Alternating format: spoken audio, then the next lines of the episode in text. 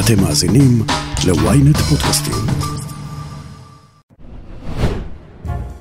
זו התוכנית ה-90 של האמת היא, ו-90 זה מספר שמזוהה בדרך כלל עם סוף וסיום. כביש 90, הכביש הארוך ביותר במדינת ישראל, משתרע מתחילת המדינה עד סופה, אתם תחליטו מה זו מטולה ומה זו אילת. חברי האהוב מודי ברון עשה על זה את אחת מסדרות המופת שלו,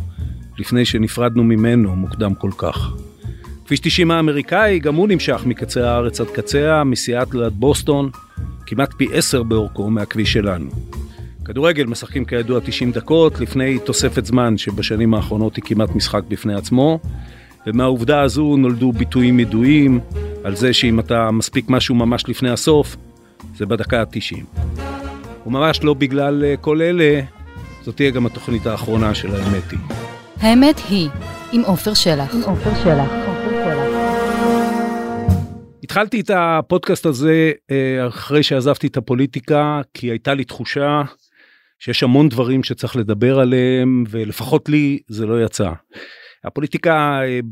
מבפנים, במיקרוקוסמוס שלה, ובפוליטיקה כמו שאני עשיתי אותה ב, לפחות בשש שנים הראשונות שהייתי שם, אה, זה אולי לא נראה ככה כלפי חוץ, אבל היא, היא מעשה יומיומי ושעה שעתי. רוב המעשה הזה הוא לא כך חשוב, רוב המעשה הזה משתייך לעולם הפנימי אה, של הפוליטיקה עצמה ולקודים שלה ולבועה הזאת שיושבת מעל הגבעה בירושלים, אבל אתה עסוק בו ואני הייתי עסוק בו גם מתוקף התפקידים שלי, גם מתוקף אולי הנטייה האישית שלי והסיבה למה באתי לפוליטיקה בכלל אה, ברמה מאוד גבוהה. וכשיצאתי ממנה, אני מזכיר גם בשנתיים האחרונות של החיים אה, הפוליטיים הקריירה הפוליטית אה, שלי, היו שנתיים של מערכות בחירות. אה, אני חייב להגיד שבאופן אישי חיבבתי את רוב הדברים בפוליטיקה, שנאתי מערכות בחירות. מערכת בחירות, בטח ארבע מערכות בחירות שבאות אחת אחרי השנייה, שאתה כמו גר שרץ על גלגל בערך. מערכת בחירות היא הזמן שבו אתה מסתובב, אומר כל הזמן את אותם דברים, נאבק כל הזמן אל מול הצורך המובן לגמרי והבסיסי לגמרי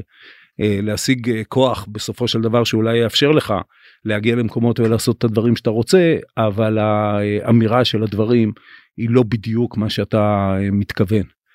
וזה מרחיק אותך גם והבועה הזאת הבועה הפוליטית בכלל מרחיקה אותך מה, מהמציאות ובטח מהמציאות הגדולה כמו שהיא והמציאות הזו שכללה גם בשנה האחרונה אה, לתקופה שלי בפוליטיקה כללה את משבר הקורונה. אה, כשיצאתי החוצה והסתכלתי עליה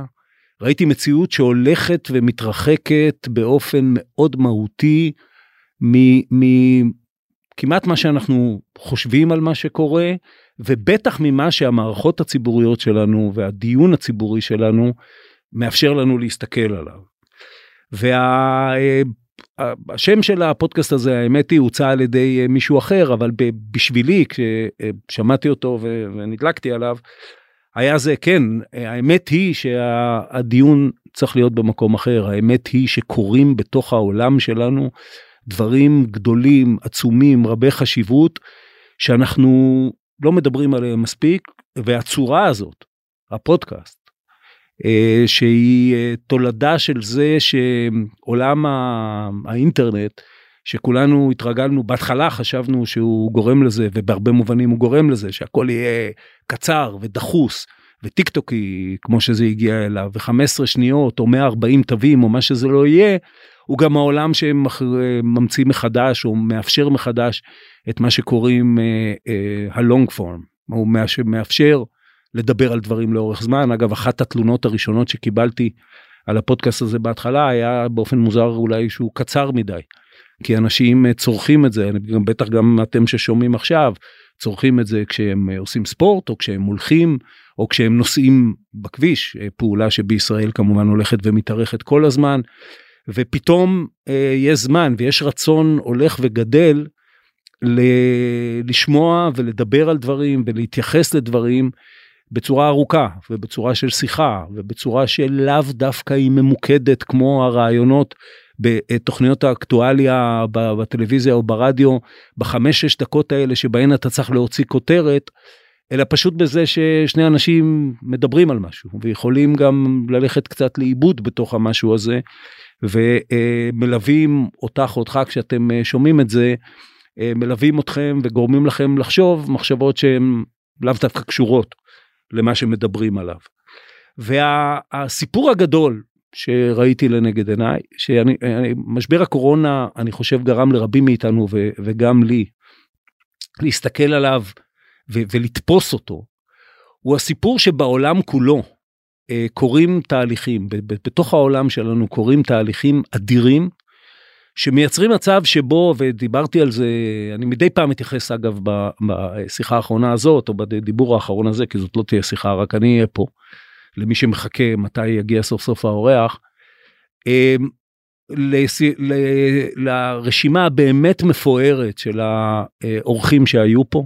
שהשתתפו באמת שהיא, ואני רוצה להודות לכל אחת ואחד מהם, אנשים באמת, אה, כל אחת ואחד באמת מה, מהטופ של העיסוק שלו, שבאו ופרסו פה את אה, מה שיש להם בשיחות בינינו. ואחת החשובות לפחות לי ביניהם הייתה עם יאיר אסולין, בעל טור בארץ, כשדיברנו על, על התפוררותה של, לא רק של מדינת הלאום, אלא של התקפות של מדינת הלאום הנוכחית, של זה שמדינת הלאום החיה הזאת, שהומצאה יחד עם המהפכה התעשייתית בסוף המאה ה-19 וזה לא מקרה כי כשהמהפכה התעשייתית מגיעה מגיעות גם הערים הגדולות ואנשים מתחילים להתקבץ כי אתה לא עוד אה, עובד אדמה שמתפזר אה, בשטח אלא אתה אה, אה, צריך להיות על יד המפעל או על יד החברה שאתה אה, עובד בה. ואז אנשים מתחילים להתקבץ וגם אה, הצורך הזה ב, ב, במדינה במוסד הזה כדי לתת לנו את מה שאנחנו א' יותר ויותר דורשים כי מדינת הלאום באה יחד עם, ה, עם התודעה הדמוקרטית וב' את מה שאנחנו יכולים לתת לעצמנו אם אנחנו מתקבלים מתקבצים ביחד אנחנו יכולים אה, לבנות אה, בית חולים אנחנו יכולים לסלול כביש ואנחנו יכולים להעניק לעצמנו ביטחון ולכל הדברים האלה באה מדינת הלאום ויחד איתה מדינת הרווחה במאה ה-19 ונתנה תשובות. ובעולם שאנחנו נמצאים בו עכשיו ואני בכלל כרגע עוד לא מדבר על מה שקורה ספציפית בישראל אנחנו אה, נגיע גם לזה.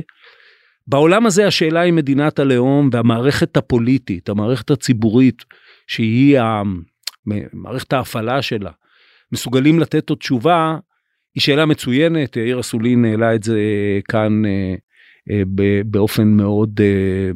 מרתק כמו שהוא עושה את זה גם בטורים העיתונאיים שלו.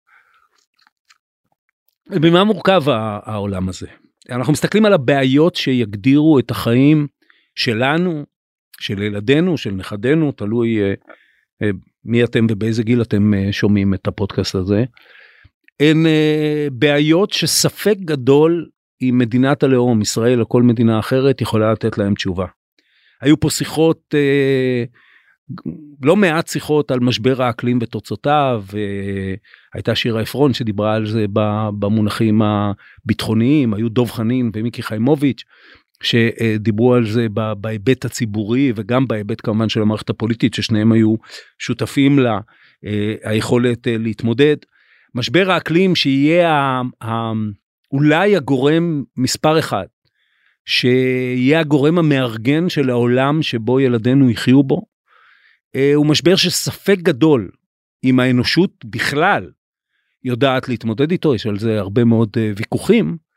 אה, אבל בוודאי שמדינות בודדות, בטח מדינת הלאום הישראלית, חייבות להיות מעורבות בו, חייבות לחשוב עליו, חייבות לפעול לפיו, אבל לא יפתרו אותו לבד. ואותו דבר זה הסוגיה של הזדקנות האוכלוסייה, התופעה המבורכת הזאת, ש... שוב הדור הצעיר של היום בטח אה, אה, ילד או ילדה שנולדים היום מסתכלים אל אה, העולם שמחכה להם ובעולם הזה תוחלת החיים הממוצעת בישראל תגיע תגיע בוודאות אני מקווה לגיל 90 היום כבר היום זה לא כך רחוק בעיקר לנשים. ומה המשמעות? איך המודלים הכי בסיסיים האקטואריה הכי בסיסית של מדינת הרווחה איך היא אוחזת בעולם שבו אנשים התקופה שהם לא עובדים לפי אה, מודלי הפנסיה שהומצאו במאה ה-19 ובמידה רבה קיימים עד היום, איך ב, בתקופה הזאת, א', המתמטיקה, החישוב של אה, אה, כמה אנשים עובדים לכמה אנשים לא עובדים, אה, העובדה שכל מדינת הרווחה מבוססת על זה שאנשים שעובדים בסוף מפרנסים את אלה שלא עובדים, כולל את עצמם בצעירותם ובזקנתם. אה, איך היא מחזיקה מעמד במספרים האלה ודיברנו על זה פה עם אה, יוסי איימן מג'וין אשל ועם סוניה פאו שדיברה על אספקטים פסיכולוגיים של ההישרדות ועם מנו טרכטנברג וכלכלנים אחרים שדיברנו פה על מקרו כלכלה. אה, אז גם על זה איך מדינת ה... האם מדינת הלאום כמו שהיא האם מדינת ישראל כמו שהיא יודעת בכלל אפילו אם היא הייתה מתפקדת היטב היא כמובן לא יודעת לתת תשובה. ואולי מעל הכל, וזה קרה, הפריצה הגדולה של זה לתודעה קרתה בעוד, בשנתיים האלה שבהן הפודקאסט הזה שודר, השינוי העצום בעולם העבודה, השינוי העצום שנובע מהכניסה של אה, אה, בינה מלאכותית, שהיום אה, כולם מדברים עליה עם הפריצה לתודעה של צ'אט GPT, וההבנה שצ'אט GPT מביא שהשינוי בעולם העבודה, האוטומציה, הכניסה של רובוטים, הכניסה של מערכות אוטומטיות, הכניסה של בינה מלאכותית, זה לא ישנה רק את זה שיהיו רכבים אוטונומיים ואז לא יהיו יותר נהגים מקצועיים ויהיו הרבה פחות שוטרי תנועה ומורים לנהיגה וכן הלאה והלאה, זה גם משנה את אה, עבודות הצווארון הלבן. וזה נוגע פחות או יותר לכל אחת ואחד מאיתנו. ואיך בעולם הזה שבו יש קלישאה שאומרת אה, אה, בן 6 שנכנס היום למערכת החינוך הוא אה, חצי מהמקצועות שקיימים היום לא יהיו קיימים כשהוא או היא יצאו ממערכת החינוך בגיל 18 אבל גם חצי מהמקצועות שיהיו אז עוד לא הומצאו היום איך מערכת החינוך הנוכחית מתמודדת עם זה ודיברתי כאן על, על מערכת החינוך עם מיכל כהן ועם שירי רימון אה, אה, ואחרים. השאלות אה, האלה, השאלות העצומות האלה, שבהן באמת שיגדירו את חייהם של ילדינו, בין אם פה, בין אם במקום אחר, הן שאלות שהמערכת הפוליטית הנוכחית לא יכולה לתת להן תשובה, ובעיניי זה חלק מהמשבר, משבר הניכור בין האזרחים לבין הפוליטיקה בכל מקום במדינות הדמוקרטיות. כי זה נורא קל להגיד, ו- יכול לתת פרנסה טובה להגיד הפוליטיקאים הם כאלה שרק uh, מתעניינים רק בעצמם מתעניינים רק בג'ובים שלהם אני אומר לכם כמי שראה לא מעט סקרים פוליטיים בחיים שלו זה כמעט הדבר הראשון שאנשים במדינות דמוקרטיות גם בישראל אומרים על המערכת הפוליטית. וכן חלק גדול מהמערכת הפוליטית גם אצלנו וגם במקומות אחרים הרוויחה את זה בחוסר יושר. אבל בואו נודה על האמת האמת היא שמשהו הרבה יותר עמוק קורה פה והמשהו העמוק הזה הוא שכשאנחנו מרגישים שהמערכת הפוליטית לא יכולה לתת תשובה ולא נותנת תשובה לדברים, אז אנחנו מתחילים להסתכל עליה, ודיברתי על זה כאן גם עם אה, דוד אוחנה אחרי הבחירות האחרונות. אנחנו מתחילים להסתכל עליה לא דרך הפריזמה של הפוליטיקה של המעשה, הפוליטיקה שאומרת, אה, כן, איך אנשים שיש להם השקפות עולם מנוגדות, שיש להם עקרונות מנוגדים, ותתפלאו, רוב האנשים שבאים לפוליטיקה או חלק גדול מהם, אני לא יכול להיות ערב לכנסת של היום, אבל בוא נגיד, הכנסת שנכנסתי אליה ב-2013 הייתה כזו שכן, לרוב האנשים הייתה השקפת עולם, אבל גם הייתה התפיסה הבסיסית, בין אם היית בקואליציה ובין אם היית באופוזיציה, והייתי בשתיהן, שבסוף אנחנו צריכים להיכנס לחדר ולהגיע לאיזושהי הסכמה, כי לפוליטיקה יש צד מעשי, שבו אנחנו מניעים יחד את חיינו, שבו נבחרנו. אה, וכל המערכת הדמוקרטית מבוססת על זה של אה, נבחרנו כדי להניע בסוף את המכונה הזאת הלאה ולהגיע באופן בלתי נמנע לפשרות שמאפשרות אה, להתקדם הלאה. כל הדבר הזה הולך ונהיה לא רלוונטי לפתרון הבעיות הגדולות, ואז הפוליטיקה שוקעת למה שאני קורא לו אה, פוליטיקה של קבוצות כדורגל. אה, מה שנהוג לקרוא פוליטיקה זהותית, וכבר נתתי את הדוגמה הזאת פעם גם בפודקאסט שהיה אחרי הבחירות, אה, אה, פוליטיקה אה, שבה כמו בקבוצות כדורגל אני יכול לכעוס על השחקנים או לא לחבב אותם אני יכול לחשוב צריך להחליף את המאמן אני לא מחליף את הגופייה כי הצבע של הכביסה כמו שג'רי סיינפלד אמר זה, ה, זה הדבר שאנחנו בעצם אוהדים שלו ועוד יותר מזה המוטיבציה הבסיסית היא מוטיבציית אנטי. אה, וכל אוהד כדורגל או אוהד ספורט בכלל יודע את זה. כשאתה אוהד הפועל, הרבה יותר חשוב שמכבי תפסיד מאשר שהפועל תנצח. והדבר הזה שאני, אני, יש גם לי אותו ויש לכל אחת אחד מאיתנו אותו בחיים הפרטיים שלנו, הוא, הוא אחלה גם בפוליטיקה והוא תמיד היה יותר חזק, אבל הוא נהיה הדבר היחיד. ואם תחשבו למה התגלגלנו לחמש מערכות בחירות, ולמה התגלגלנו לזה שהמערכת הפוליטית בישראל לא מסוגלת להגיע לפשרה שעליה מתבססת קואליציה, שהרי כל ההיגיון של המערכת הפוליטית בישראל הוא שבסוף קמה קואליציה שבתוכה יש פשרות, עוד לפני שדיברנו על האופוזיציה מולה, זה מפני שהיא אה, נהייתה אך ורק זהותית, היא נהייתה אך ורק כדורגל, ובכדורגל אמנם יש תיקו, אבל אף אחד לא יוצא מרוצה מתיקו בדרך כלל, ובישראל זה כמובן לבש את אה, אה, פנים של בן אדם, אה, בנימין נתניהו, אה, וה, ועל זה אי אפשר להתפשר, או שאתה עם איתו או שאתה נגדו ולמי שאיתו בקואליציה אין ברירה אלא להיות איתו בקואליציה ולמי שנגדו באופוזיציה אין ברירה אלא להיות נגדו באופוזיציה. והדבר הזה אה, שכולנו מבינים איך הוא קרה וכולנו חשים על בשרנו איך הוא קרה אה, לא מייצר פוליטיקה מעשית שמאפשרת להתמודד עם בעיות אפילו בעיות קטנות בטח לא עם בעיות גדולות. ונגיד שחוסר הנחת הזה ונגיד שהעולם הזה אה, כאמור לא קיים רק אצלנו כי נורא קל להגיד אצלנו ואני שוב מבטיח שאני אגיע לזה בהמשך.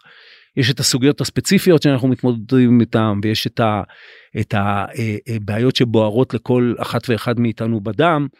אבל זה גם עומד מאחורי מה שקורה בארצות הברית עם שיטה אחרת לגמרי שרבים פה מתגעגעים אליה או, או, או חושקים בה ולא כך מבינים על מה היא מדברת דיברתי פה על דיברתי על שיטת הבחירות עם גידי רהט ואחרים אבל אה, באמת אה, הפוליטיקה האמריקאית היא הרבה יותר משוסעת ומקוטעת ולא מתפקדת אפילו משלנו. ולתוך אה, זה נכנס העולם התקשורתי שבו אנחנו חיים והייתה פה שיחה חשובה בעיניי על תקשורת עם חברי הטוב רביב דרוקר. ובזה שהתופעה שאנחנו רואים של החודשים האחרונים שבה למשל העלייה של גופי תקשורת כמו ערוץ 14, הרי זה מאוד ברור איך זה קורה. זה קורה מפני שקורה כאן מה שכבר קרה בארצות הברית לפני כמה וכמה שנים, וזה שאנשים לא רוצים יותר לצרוך נגיד דעות שונות על אותו דבר. הם לא רוצים יותר לצרוך עובדות ואחר כך אה, אה, דעות עליהן בין אם הן מוצאות חן ביניהם ובין אם לא. הם רוצים לחיות בתוך עולם שבו התקשורת שהם צורכים שיכולה להיות לא רק תקשורת ממוסדת כמובן יכולה להיות והיא, והיא הרשתות החברתיות ו, ועולם שלם שבו כמעט כל אחד הוא ספק תקשורת ואחד הוא צר, כל אחד הוא צרכן תקשורת אה, הוא צרכן תקשורת אה, מפולטר. והפילטר הוא מה אני רוצה באיזה עולם עובדתי אני רוצה לחיות כי כי עצם העובדות על הקורונה או על המהפכה המשפטית אה, שכל אחד ואחת מאיתנו צורכים הם היום ב, ב, לפי כלי התקשורת שאנחנו צורכים והבעיה כמובן במדינת ישראל וגם על זה דיברתי עם רביב זה שהגודל שלה לא באמת מאפשר את הקיום אחד ליד השני של פוקס ו-CNN אה, אלא פשוט אה, גורם לזה שהכל הוא, הוא נישות קטנות שנאבקות על קיומן וזה שוחק גם את הסטנדרטים העיתונאיים שלהם מה שכמובן מחזק עוד יותר את אי האמון בתקשורת. ועל הנושא הזה של, של כישלונה ו, והתפרקותה של המדינה, דיברתי פה עם הרבה מאוד אנשים, וחלק אה, לא, לא קטן מהשיחות שלנו אה, שהיו פה, היו עם אנשים מהשלטון המקומי, עם חיים ביבס, אה, יושב ראש מרכז השלטון המקומי וראש העירייה במודיעין, ועם רון חולדאי ועם יאיר רביבו מלוד. כי מה שלימדה אותנו הקורונה ומה שמלמדים אותנו החיים זה שהפוליטיקה כאילו כמעט המישור היחיד של הפוליטיקה שאנחנו מסתכלים עליו בהסתכלות אה, מעשית הוא המישור המקומי. וכי אנחנו זה מאוד פיזי לנו זה מאוד ברור לנו אנחנו מסתכלים על המדרכה שמול הבית שלנו והיא או נקייה או לא ואנחנו מסתכלים על המתנס ביישוב שלנו והוא פתוח או לא ואנחנו uh, מסתכלים על דברים מאוד פיזי, אנחנו מסתכלים על ראש עיר שבחרנו אותו לחמש שנים ואם הוא לא נותן uh, תשובה וזה היום מעט מאוד ראשי ערים רצים על, על הרקע של המפלגה לרובם המפלגה אם הם בכלל משתייכים לאיזושהי מפלגה ארצית זה יותר uh, נטל מנכס אנחנו מבקשים ממנו או ממנה תשובות מעשיות ואם תחשבו על זה. הציבור הישראלי תהיה בסוף השנה יהיו בחירות מוניציפליות בסוף השנה הזאת והציבור הישראלי כבר ב2018 הראה שבמישור המקומי להבדיל מהמישור הארצי הוא לא זהותי והוא לא לא מהסס לשנות. והוא לא מהסס אה, לקחת אה, בחור בן 32 בלי שום ניסיון בהיבט הזה כמו אביחי שטרן ולעשות אותו אה, ראש העיר בקריית שמונה והוא לא מהסס לקחת אה, אה, אישה בת 37 אה, אם אני זוכר נכון ולעשות אותה אה, ראש המועצה בירוחם כמו טל אוחנה. והוא לא מהסס להחליף ראשי ערים שהיו 15 שנה ו-30 שנה ו-42 שנה אה, בכל מיני מקומות והיו לגמרי השריפים של המקום ולהגיד אה, כן אבל המדרכה לא נקייה וה... ומערכת החינוך לא מתפקדת כמו שאני רוצה אז אני מחליף אותה. לעומת הקיבעון הזהותי הטוטלי שבו הוא נתון בתוך המערכת הארצית אבל שוב מכיוון שהמערכת הארצית לא נותנת לו תשובות אז הוא נשאר בזהותי ו, ולא מבקש בעצם מה, מהמערכת הזאת יותר למרות שהמערכת הזאת חייבת לתת לו יותר למרות שהפתרונות במדינת ישראל בסוף הם פתרונות ארציים ראה סוגיית התחבורה שגם עליה דיברנו כאן אה, שהיא לא יכולה אה, ראשי ערים או אפילו איגוד ערים לא יכולים לתת לה תשובה. ודיברנו הרבה פה על, ה, על המוסדות המדינתיים ואיך הם מתפקדים בתוך הדבר הזה. הייתה שיחה עם רוני אלשיך על המשטרה, אמר כאן אה, בבירור את מה שכולנו מרגישים, ושוב, גם המשטרה הפכה בחודשים האחרונים להיות על המוקד של קו השבר הזהותי פוליטי במדינת ישראל. אבל המשטרה כארגון, המשטרה כנותנת שירות, אחד מנותני השירות העיקריים במדינת ישראל, לא נותנת לנו את השירות אה, שאנחנו צריכים לקבל, גם רוני כמפכ"ל המשטרה לשעבר אמר את זה. ודיברתי כאן עם שי באב"ד על האוצר ודיברתי עם אה, אה, אה, ירון נוידרפר על המקום שבו או עם טלי ניר על המקום שבו המגזר הפרטי אה, מת, מתחיל להיכנס או העמותות המגזר השלישי מתחיל לתת תשובות שפעם היו תשובות מדינתיות כי המדינה לא נותנת את התשובות האלה וכאמור על הכשלים של מערכת החינוך מערכת הבריאות דיברתי פה עם אודי פרישמן אה, אה, דיברנו על זה הרבה כי מערכת היחסים בתוך העולם הזה שאנחנו מדברים עליו, של מי אמור לתת לנו את הפתרונות, גם מי מקבלת אה, תשובות חדשות. והתשובות האלה בעיניי היום כמי שנמצא בחוץ ונמצא בין השאר ואולי בעיקר במכון למחקרי ביטחון לאומי שהוא לכאורה מכון מחקר שאתה יודע לא מעשי כזה שיושב וכותב ניירות אבל נכון להיום אה, ואני לא רוצה להיכנס לעבודה שלי שם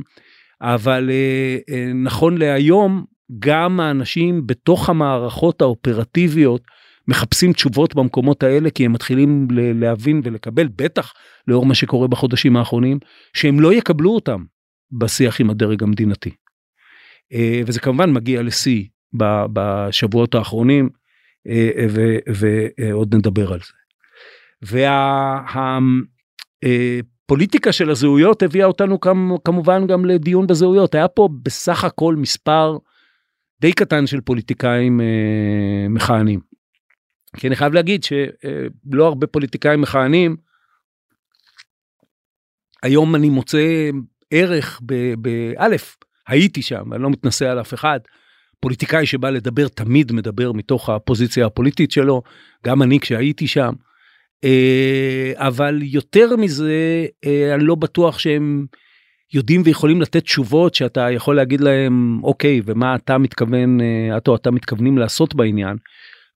בהקשרים האמיתיים ולכן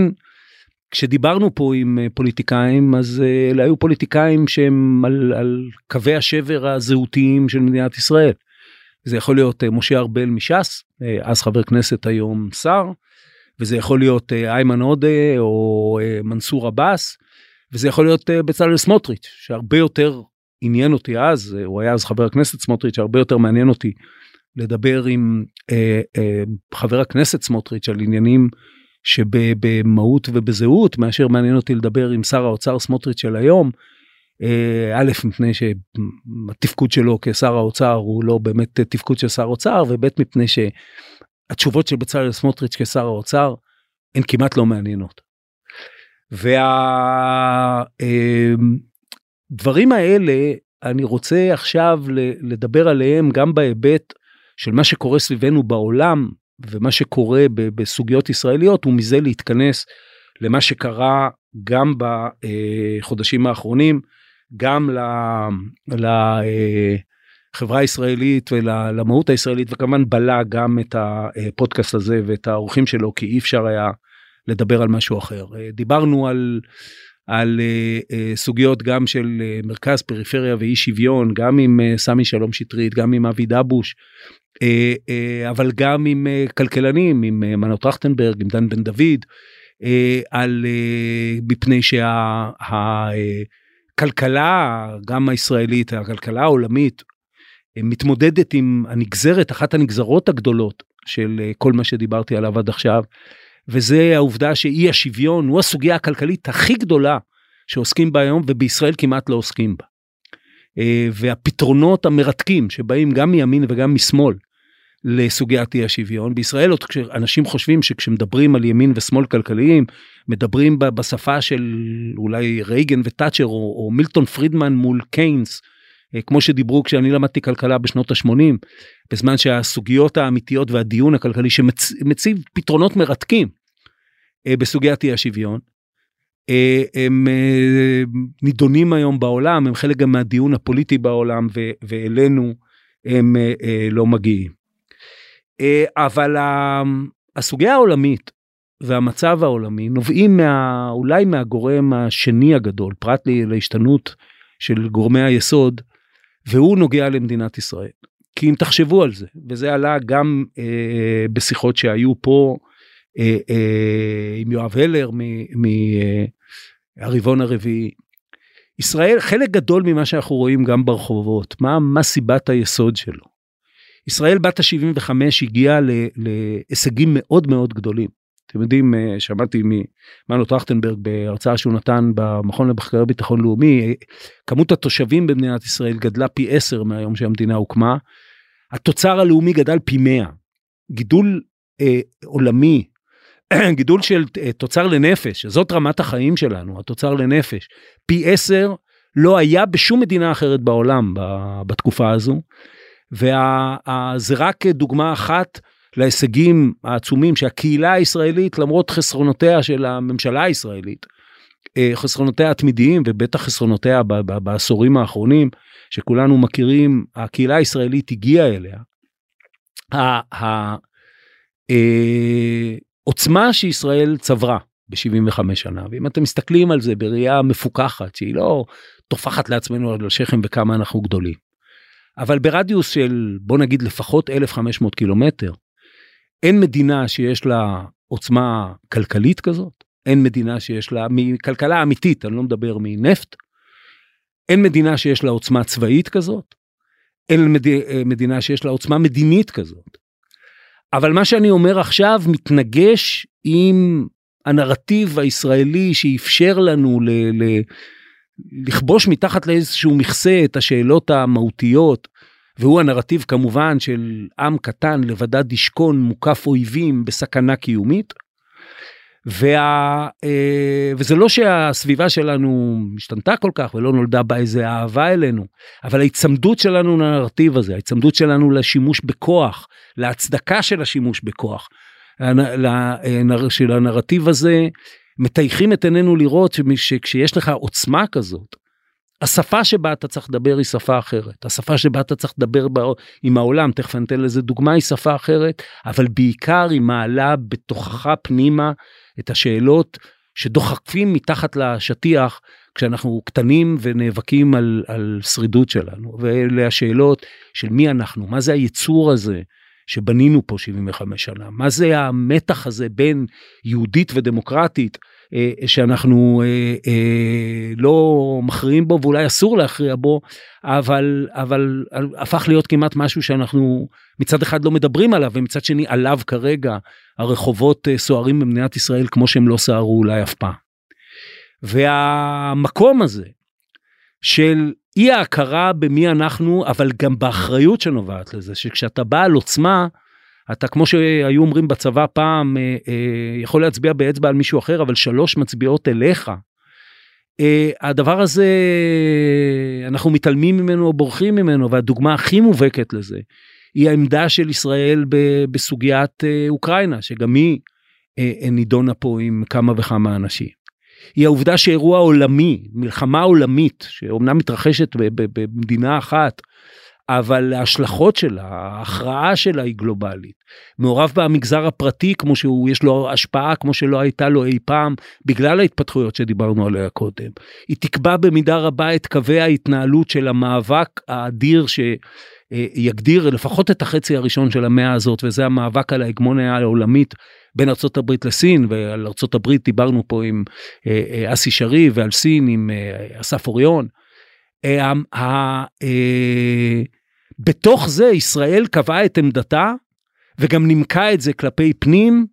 באחד הרצון הקבוע שלנו להלך בין הטיפות לעשות קולות כמו ש... של שטיח כמו שאמר איזה גורם מדיני בהתחלה זאת אומרת אה, להיות הקהילה המפוחדת הזאת שלא נוקטת עמדה אה, וכמובן מתרצת את זה בנימוק טקטי ביטחוני כמעט מגוחך כמו חופש הטיסה של חיל האוויר בפעולות המב"ם מה שנקרא. וכמובן ביהודים, יש יהודים גם ברוסיה וגם באוקראינה, אה, כאילו למדינת ישראל אכפת מיהודי העולם וגם על היחס בין ישראל ליהודי העולם דיברנו פה גם עם אה, יוסי אשד ואסי שרי ואחרים. והמקור וה, הפסיכולוגי של זה, של אנחנו יותר טוב לנו לשבת בצד כשהגויים רבים ושום דבר טוב לא יצא לנו, הוא התעלמות מזה שהעולם הוא עכשיו כזה שמדינה כמו ישראל איננה יכולה שלא לנקוט עמדה. ואיננה יכולה ששיקולי מוסר לא יהיו חלק מעמדתה והחלוקה הישראלית הזאת בין מוסר לבין ריאל פוליטיק לא רק שעבד עליה כלח היא מזיקה לנו עמדת ישראל ביחס לאוקראינה מזיקה לנו. ובראש ובראשונה כמובן מזיקה לנו אה, בדבר הגלובלי החשוב ביותר או האזורי החשוב ביותר והוא אה, יציאתה של ארה"ב מהמזרח התיכון. שמביאה ואנחנו רואים את זה בחודשים האחרונים לעליית קרנה של איראן אבל מכיוון שאנחנו ממשיכים להסתכל על איראן דרך הפריזמה הצבאית שרידותית וגם על סוגיית הגרעין האיראני דיברנו פה עם אה, סימה שיין ואחרים. אנחנו לא מסתכלים על זה ככה ואנחנו העולם שמתעצב סביבנו הולך ונהיה אה, בעייתי לנו בין השאר מפני שאנחנו לא מכירים בזה שלהיות מדינה עם עוצמה זה לקחת אחריות ולקחת חלק בעיצוב העולם ושאם אתה לא מעצב את העולם הוא יעצב אותך. וכמובן שכל זה מתכנס לפיל העצום שבחדר שממשיך להיות הפיל בחדר גם בסוגיית המהפכה המשפטית שמיד אני מגיע אליה, והוא הצורך שלנו להתמודד, הצורך שלנו הזהותי, המהותי, הדמוקרטי, הכלכלי, כל הדברים שדיברנו עליהם, להתמודד עם מה שנמאס לישראלים לשמוע עליו, אבל הולך להגדיר את זהותה של ישראל כיהודית ודמוקרטית יותר מכל דבר וכל חקיקה שהיא, והוא כמובן סוגיית הכיבוש. ועליה דיברתי כאן עם שאול אריאלי, ועליה דיברתי כאן עם אריה אלדד שמחזיק בדעות אה, מאוד שונות משלי אבל יודע לנמק אותן אה, באופן מהותי וגם אה, להתעמת בלי לטייח ובלי לספר סיפורים עם ההשלכות של העמדה נקרא לזה עמדת הימין וזה הימין המובהק והאידיאולוגי שבה הוא אוחז. אבל תחשבו למה. סוגיית הכיבוש נדחקת הצידה במה שכביכול מתרחש היום גם בכנסת וגם ברחובות בישראל, אה, והוא מאבק על זהותה של ישראל. כי אם אתם מאמינים שמה שמתרחש פה הוא מאבק על זהותה של ישראל, גם אם אתם מאמינים בזה, בזה שמדינה, שישראל היא מדינת העם היהודי וזה נותן ליהודים את הזכות אה, לקבוע את, ה, את, את גורלה ואת הכיוון שלאן היא הולכת. וגם אם אתם מאמינים שבקוטב הזה צריך לשמור על ישראל הדמוקרטית, אי אפשר להיות לא זה ולא זה, בלי להתעמת עם הסוגיה של העובדה שמדינת ישראל כבר 56 שנה אנחנו שולטים על עם אחר, ועל זה שבין הים לירדן, בין אם תספרו את רצועת עזה ובין אם לא, אבל אנחנו כבר מתקרבים ל-50 אחוז או עוברים 50 אחוז, תלוי איך סופרים, של אנשים שדתם אינם יהודית והלאום שלהם איננו הלאום היהודי, ומי הם ואיך הם מתפקדים בתוך המארג שאנחנו קוראים לו דמוקרטי, ומהי דמוקרטיה כמו שאנחנו נאבקים עליה, אה, אה, היום כמו שלא נאבקנו עליה אף פעם, בתוך הסיטואציה הזאת ובתוך זה שהממשלה הזאת אגב כמו קודמותיה לא לא רק שלא עושה הממשלה הזאת עושה הכל בשביל להנציח את הכיבוש ולאייד את אה, אה, האופציה להסדר מדיני אבל גם קודמותיה עשו בדיוק אותו דבר לחזק את החמאס להחזיק להחליש את הרשות הפלסטינית ולהתרחק ולגלוש למציאות של מדינה אחת. מהפיל הזה אנחנו לא נוכל לברוח. וזה מביא אותנו כמובן למה שקרה ב... אה, למה שקורה בחודשים האחרונים. לתיבת אה, הפנדורה הישראלית שתיארתי עד עכשיו רק את, ה, את המרכיבים שלה וכמובן אה, מי שירצה לשמוע פירוט יותר גדול אז יש לו 89 הפרקים הקודמים של האמת היא להקשיב להם. באה הממשלה הנוכחית הוא בצירוף שלא ייאמן של סכלות, חוסר אחריות, בורות, אפילו טיפשות פוליטית, וסתם רצון רע. ועל כל זה, כשעל כל זה מנצח מלמעלה סוכן כאוס, אה, בנימין נתניהו שמו, אה, גוללה את, ה, את האבן או את המכסה מעל תיבת הפנדורה הזאת. וכל השדים האלה, שלא הממשלה, לא יריב לוין ולא שמחה רוטמן המציאו אותם, אבל כל השדים האלה ברחו החוצה. אה, והם ברחו בדמותה של המהפכה המשפטית, לא רק בחוקים שגלולים בה. והם לא רק כמובן החוקים המשפטיים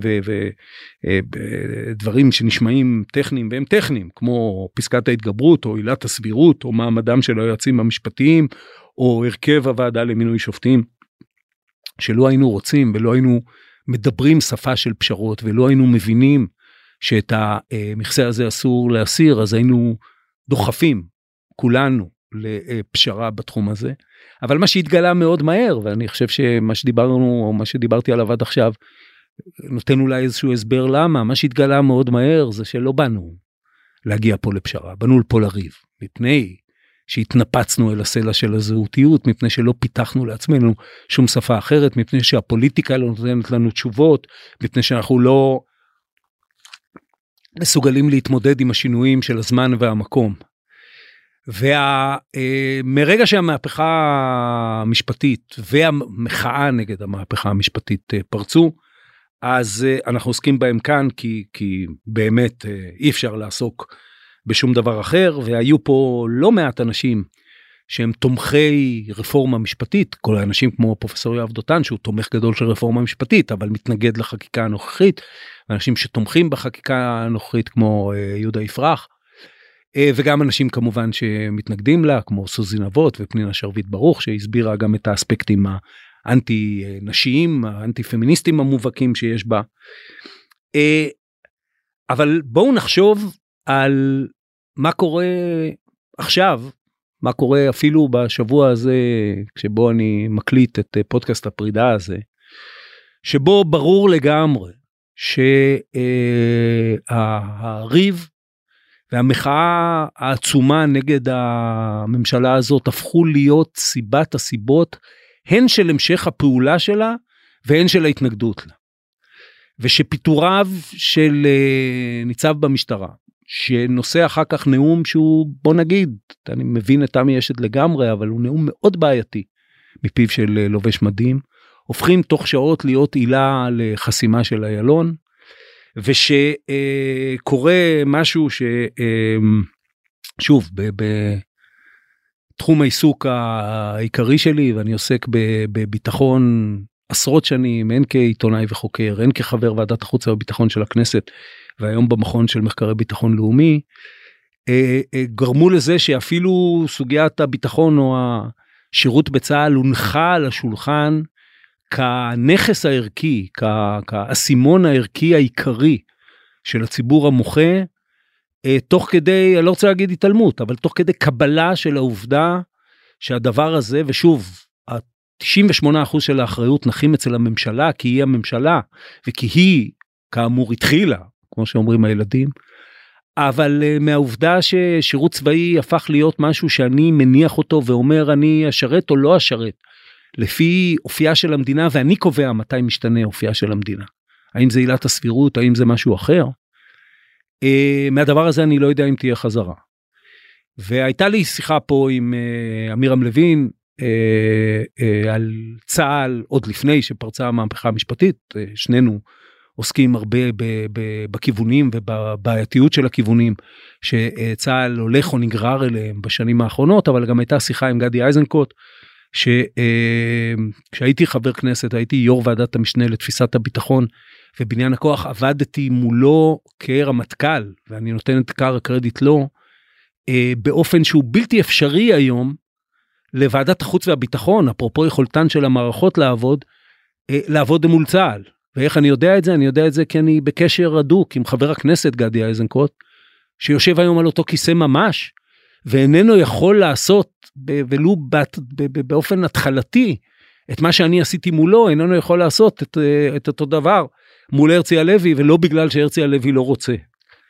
וההשלכות של זה וצה"ל זה כמובן רק אספקט אחד.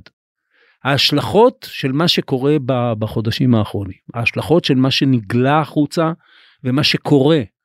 תוך כדי האירוע העצום הזה שנקרא המהפכה המשפטית והמחאה נגד המהפכה המשפטית הן אלה שכולנו צריכים לשאול את עצמנו איך אנחנו יוצאים מהם. ואני חושב שלאט לאט כל מי שדיבר בהתחלת המהפכה מהצד האחד או מהצד האחר על איזושהי הכרעה על זה שבסופו של דבר אנחנו נהיה חייבים להגיע כי אנחנו צועדים אל הקיר כי המציאות הדמוגרפית והכלכלית שדיבר עליה דן בן דוד פה אה, למשל של אה, אה, עלייה על בשיעור הציבור החרדי או הציבור הערבי על, על סוגיית השירות ועל סוגיית אי התעסוקה וכן הלאה והלאה איזה מדינת ישראל תהיה פה וכמובן עוד לא דיברנו על דת ומדינה שגם בה עסקנו פה לא מעט האם אה, איך הדבר הזה אה, ימשיך קדימה ורעיונות כמו קנטוניזציה של ישראל שהעלה פה שגיא אלבז אני חושב שגם שכולנו מבינים שהם לא רעיונות מעשיים. אנחנו לאט לאט משתררת תחושה שזה לא שעכשיו שאנחנו מסתכלים אל פי התהום אנחנו נצא ממנה עם איזה תובנה חדשה ואיזה יכולת חדשה שתאפשר לנו לפתור את זה, אלא שנכון לעכשיו, כמעט המאבק הוא תכלית העניין. עכשיו אני תומך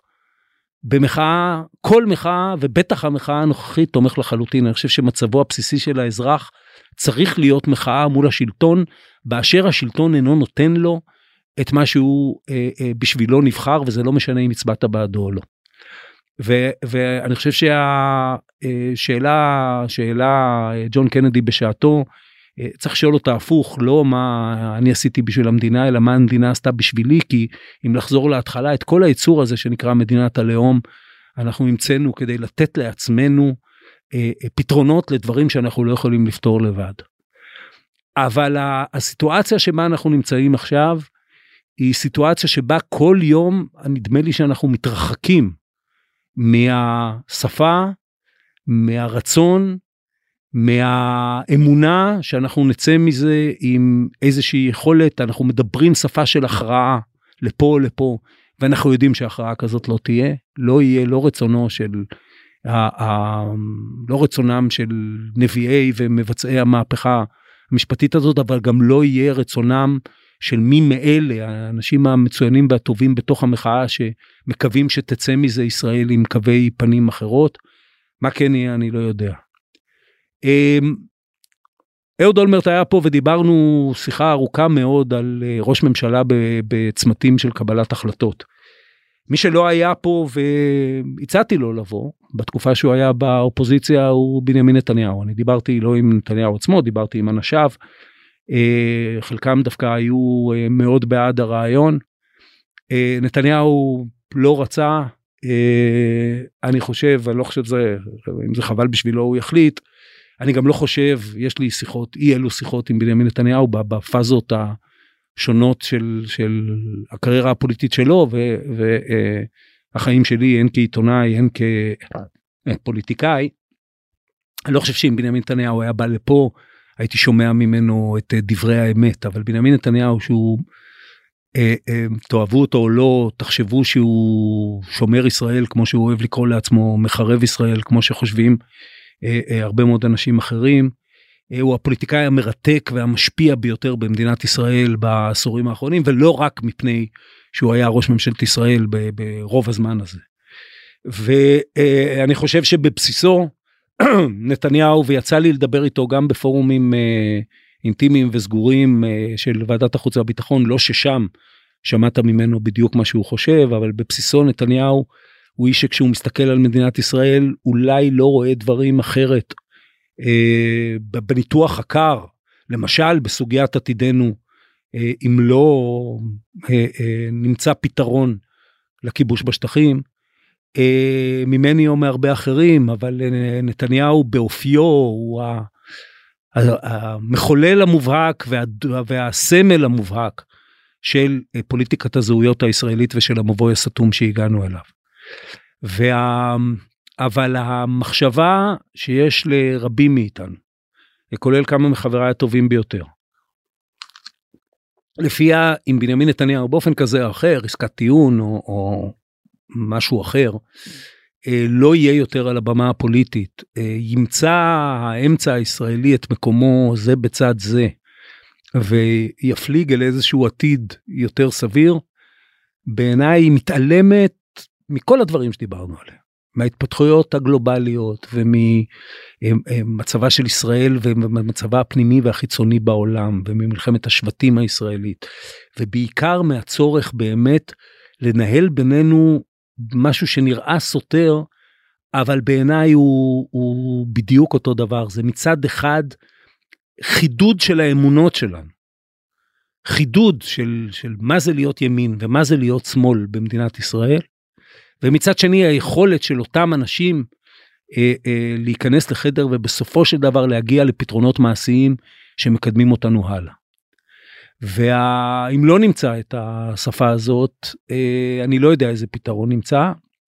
אם כן נמצא אותה, כדי לסיים בטון אופטימי, ואני השתדלתי את רוב השיחות אה, שעשיתי כאן, אה, לפעמים בכוח, להביא לסיום אופטימי, אם כן נמצא, אז הקהילה הצעירה, המסתגלת, הטכנולוגית, החכמה, שיש בה בסופו של דבר, קודם כל יש לה קשר אינטימי עצום עם המקום שהיא חיה בו. ומי שחי אי פעם במקום אחר יודע מה ההבדל בין ההיכרות האינטימית של ישראלי עם הגיאוגרפיה ועם ה, עם הדמוגרפיה ועם התרבות של המקום שבתוכו הוא חי. אה, ו, ויש לה בסוף רצון שהמקום הזה יפרח וישגשג, אנחנו יכולים את כל מה שתיארתי כ, כשינויים ואולי אה, נשמעים כאיומים, להפוך ל, להזדמנות בתוך עולם שמשתנה ככה. אה, לישראל יש הרבה מאוד תרומה לתת. בשביל זה נצטרך כנראה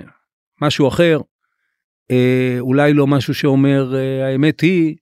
אלא משהו שאומר האמת צריכה להיות. אני חותם בזה את הפודקאסט האחרון של האמת היא, שבו לקחתי לעצמי את החירות לארח את עצמי. אני מקווה שלפחות אם זה לא עניין אתכם אז בטח לא הגעתם עד כאן אבל אם בכל מקרה 89 האורחים האחרים באמת רשימה מפוארת של אנשים היו לכם לעניין אה, ואני רוצה להודות לבית שאירח את הפודקאסט הזה אני אה, מסיים אותו לא מפני שנמאס לי ממנו ולא מפני שנמאס לי מהבית הזה אלא בגלל שאני הולך לאיזשהו כיוון אחר שלא מאפשר לי להמשיך אותו. אבל אני מודה מכל הלב ל-ynet שנתן לאתר שנתן לפודקאסט הזה בית מראשיתו, לדרור אמיר וגידו רן, לרון טוביה ורן רחמני ולגיא סלם ועמיתי אלוני, לגילי שיצא איתי ללא מעט הקלטות מחוצה לאולפן הזה. כשהתחלתי לעשות uh, את הפודקאסט הזה, ומאז אני אגב צורך כמעט רק uh, פודקאסטים, תיארתי לעצמי שאני הולך לענות, אבל לא ידעתי שעד כדי כך, וזה בזכותם ובזכותכם, היה לי לעונג, עוד ניפגש. עד כאן עוד פרק של האמת היא. אתם מוזמנים לעקוב אחרינו בוויינט רדיו, באפליקציה בנייד, ברכב, או איפה שאתם שומעים את הפודקאסטים שלכם. אם זה קורה באפל או ספוטיפיי, אתם מוזמנים גם לדרג אותנו. בצוות גיא סלם ועמיתי אלוני, אני עופר שלח, להתראות.